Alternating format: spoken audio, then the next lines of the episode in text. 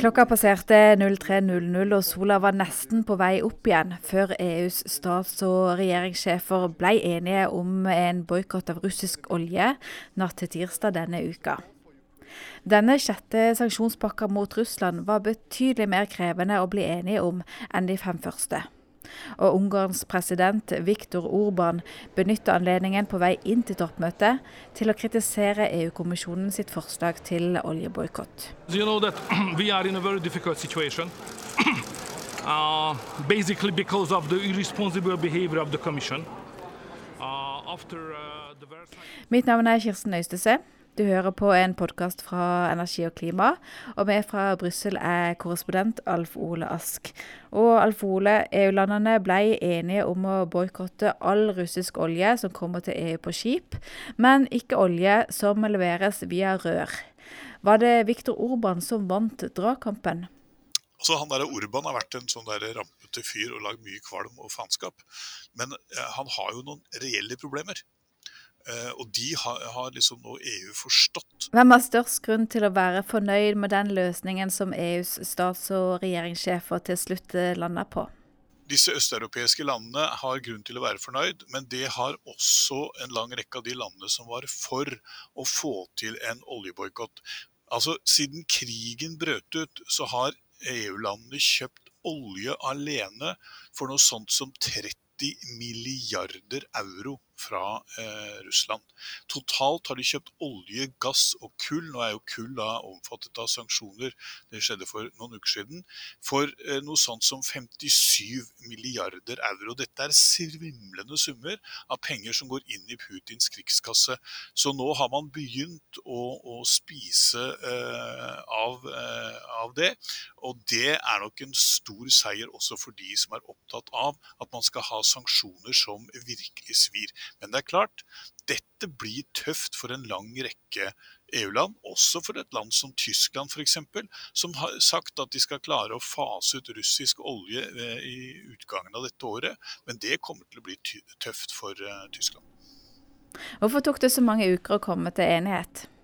Det korte svaret på det er at nå kommer de eh, sanksjonene som virkelig svir også for medlemslandene. Og det er klart at du har en håndfull eh, EU-land i øst, Ungarn, Slovakia, Tsjekkia f.eks., som får veldig mye av sin olje, om ikke alt, fra Russland. Den oljetypen de får, og som raffineriene deres eh, er eh, skrudd sammen til å, til å lage drivstoff av,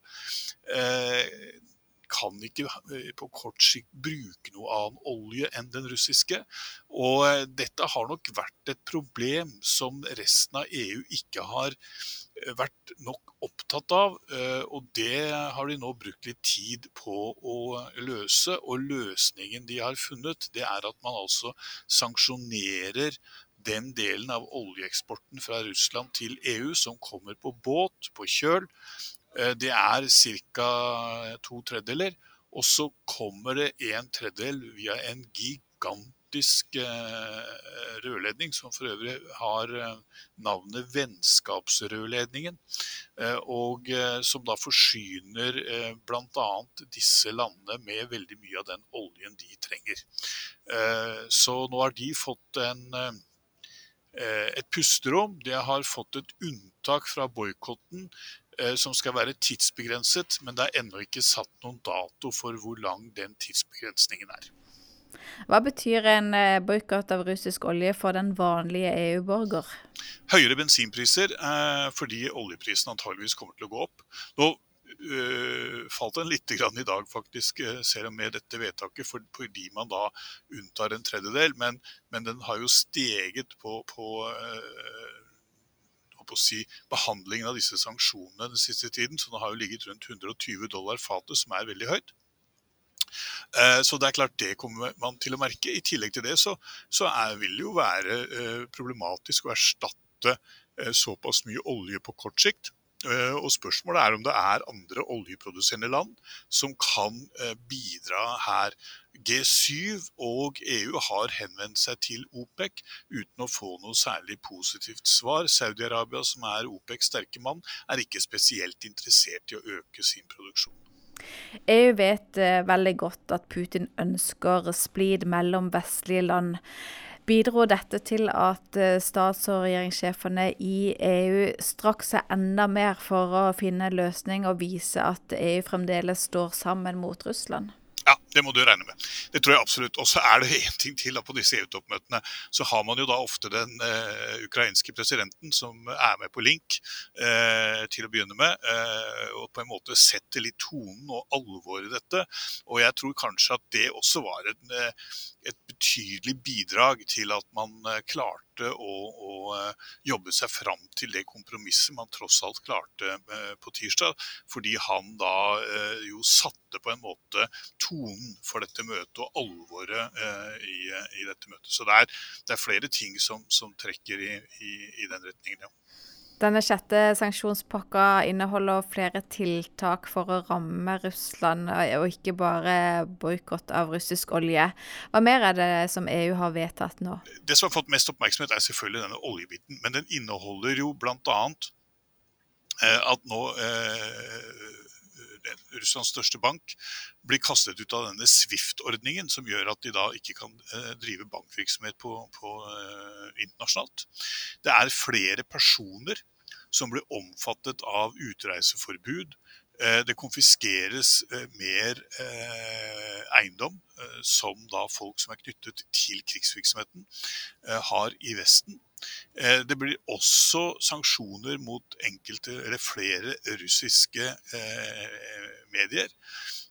Så, så dette, er, dette, er, en pakke som som ikke bare inneholder uh, oljen, men det er klart oljen har fått mest oppmerksomhet.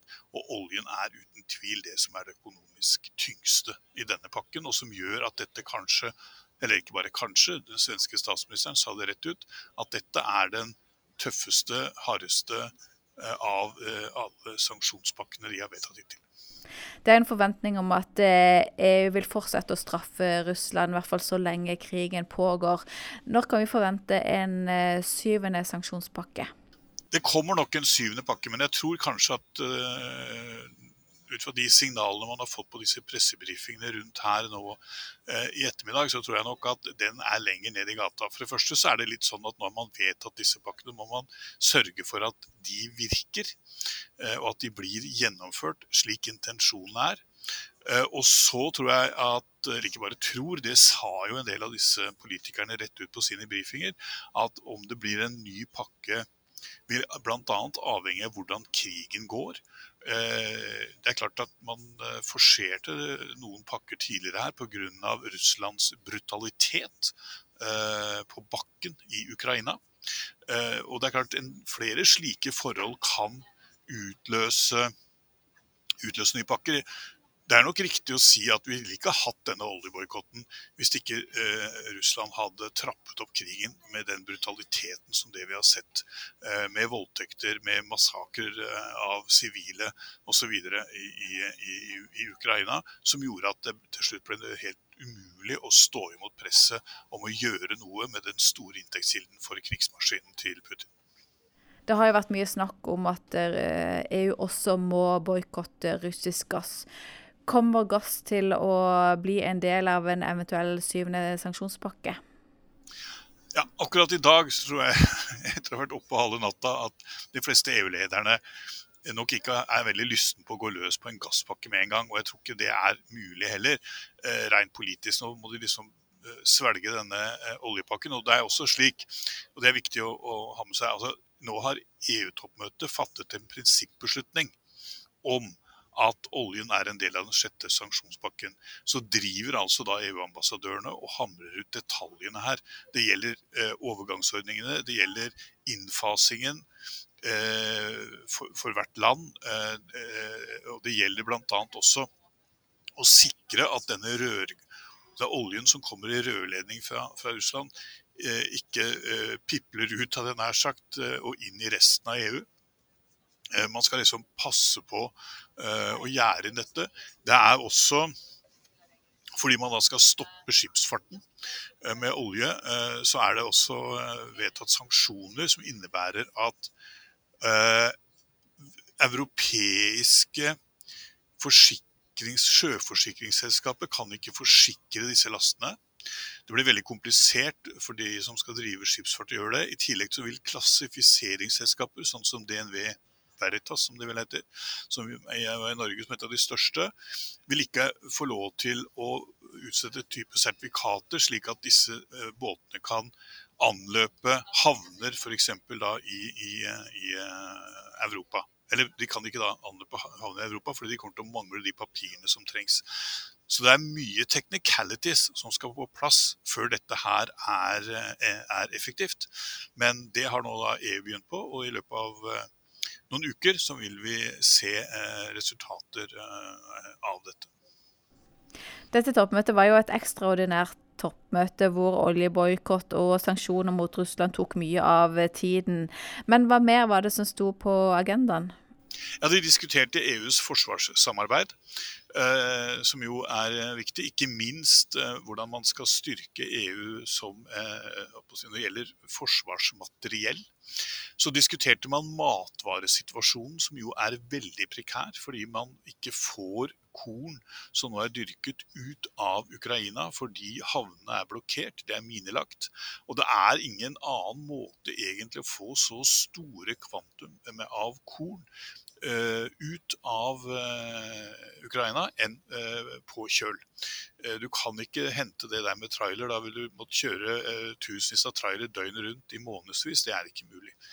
Eh, dette er, også en sak som nå kommer opp på, bordet til FN. EU-topper og FN-topper skal møtes til uka. Eh, I tillegg til det så hadde man også en gjennomgang av de høye energiprisene og tiltak rundt det. Og så selvfølgelig denne Repower EU-pakka, som jo er tiltak for å styrke fornybar mer energiøkonomisering, og hvordan man skal kunne finne gass eh, rundt omkring i verden, eh, øke importen av LNG og gjøre eh, strøm- og gassmarkedet mer effektivt i EU, slik at man da kan gjøre seg mer uavhengig av import av både olje og særlig gass etter hvert fra, fra Russland. Dette ble ikke diskutert i veldig detalj, for dette er ikke et forum for detaljdiskusjoner. Det gjør man på energiministermøte og, og miljøministermøte og slike ting. Men eh, EU-toppmøtet sluttet seg til mange av de prinsippene som ligger til grunn for denne Repower EU-pakka. og det var heller ikke så merkelig, fordi det er jo dette forumet som i Versailles i mars jo ba om en slik pakke.